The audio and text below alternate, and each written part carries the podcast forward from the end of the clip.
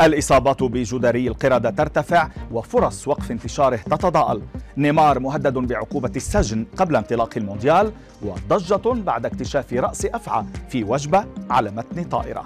أبرز أخبار الساعة الأربع والعشرين الماضية في دقيقتين على العربية بودكاست. في خبر قد يحبط الكثيرين حول العالم أعلن علماء يقدمون المشورة لمنظمة الصحة العالمية بشأن جدري القرود أن فرصة وقف انتشار المرض تتضاءل مع زيادة أعداد الحالات إلى ضعفين كل أسبوعين.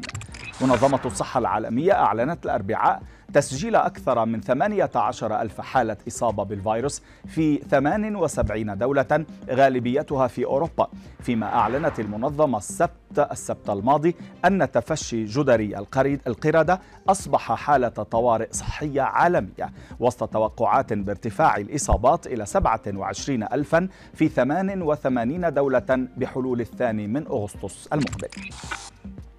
وسط تصاعد التوتر بين روسيا والغرب على خلفية الحرب في أوكرانيا أعلنت موسكو أنها ستنسحب من المحطة الفضائية الدولية بحلول عام 2024 مشيرة إلى أنها ستبني محطة فضائية خاصة بها. مدير الوكالة الفضائية الروسية يوري بوريسوف قال إن وكالة روس كوزموس الروسية ستفي بجميع التزاماتها تجاه المحطة الدولية حتى يحين موعد انسحابها. مضيفا أن المحطة الجديدة تتصدر قائمة أولويات وكالته فيما أكد مسؤول في ناسا لرويترز أن الوكالة الأمريكية لم يصلها شيء رسمي من الجانب الروسي.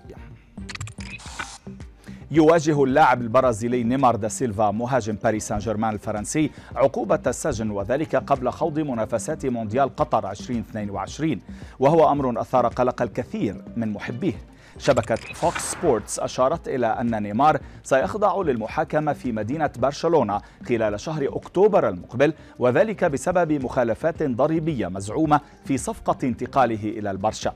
لافتة إلى أن الادعاء يطالب بسجن النجم البرازيلي مدة عامين وغرامة قدرها عشرة ملايين يورو بالإضافة إلى تغريم نادي برشلونة 8.4 ملايين يورو.